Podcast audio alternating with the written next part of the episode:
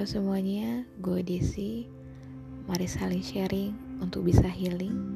So, let's do it.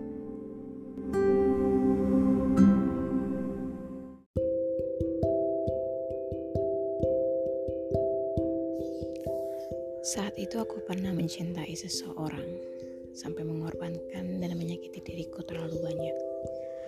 Aku yakin kalian pernah punya pengalaman yang sama sepertiku atau mungkin beberapa di antara kalian sedang mengalaminya juga. Um, memprioritaskan dia di atas segalanya tanpa memperdulikan yang hati kita rasakan. Sampai akhirnya aku ada di satu titik di mana aku sadar kalau aku orang yang paling jahat terhadap diriku sendiri. Terkadang muncul beberapa pertanyaan seperti, untuk apa aku lakukan semua ini? Apa yang sebenarnya aku kejar? Apa yang sebenarnya yang ingin aku dapatkan. Namun kalian tahu apa jawabannya? Cinta. Hmm, untuk apa aku lakukan ini semua? Aku mencintainya setulus hati. Aku senang saat melihatnya bahagia.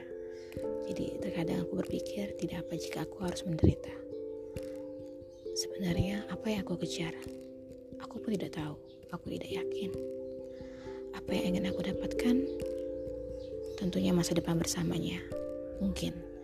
Aku juga tidak yakin sebenarnya. Diriku bahkan meragukannya. Setelah merenungkannya, itu semua terlihat jelas seperti omong kosong.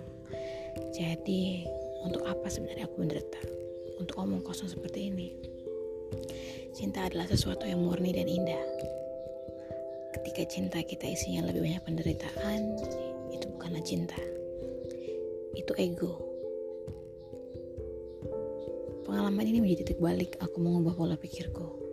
Meski rasanya sakit dan gak rela, aku harus memaksakan diriku. Aku harus membahagiakan diriku terlebih dahulu sebelum membahagiakan orang lain. Aku harus menghargai diriku sendiri sehingga aku mampu menghargai orang lain. Aku harus menerima diriku sendiri sehingga aku bisa menerima orang lain. Beberapa orang bilang aku egois, tapi egois dan mencintai diri sendiri adalah dua hal yang sangat berbeda. Sama seperti saat kita tahu lingkungan pertemanan kita tidak baik, apakah kita harus tetap ada di situ? Untuk apa? Hanya untuk dapat pengakuan dan eksistensi. Hanya biar nggak dibilang sombong dan belagu. Untuk apa?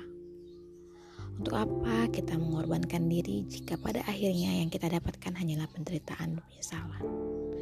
Kita bahkan hanya dikasih kesempatan satu kali untuk merasakan bumi.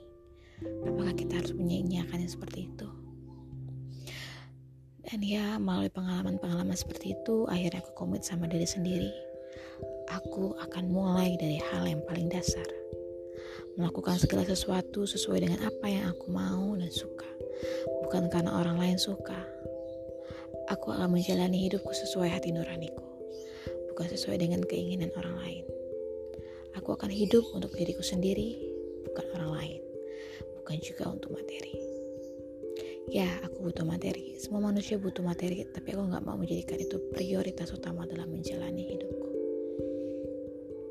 Aku mau jujur pada diriku sendiri. Aku mau berdamai dengan diriku sendiri. Aku mau menyukai diriku. Aku mau menyayangi diriku. Dan ini yang terpenting. Jika pada akhirnya ada banyak orang yang tidak menerimaku dan tidak menyukaiku, itu bukan masalah besar karena aku mencintai diriku sendiri. I love myself.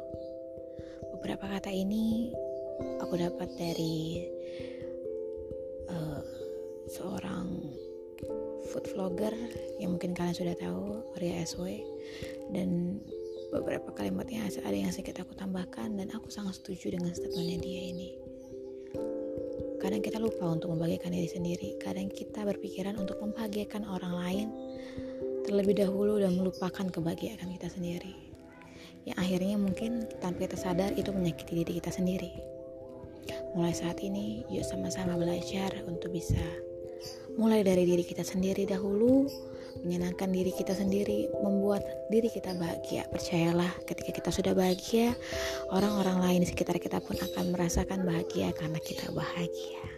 Tuhan berkati.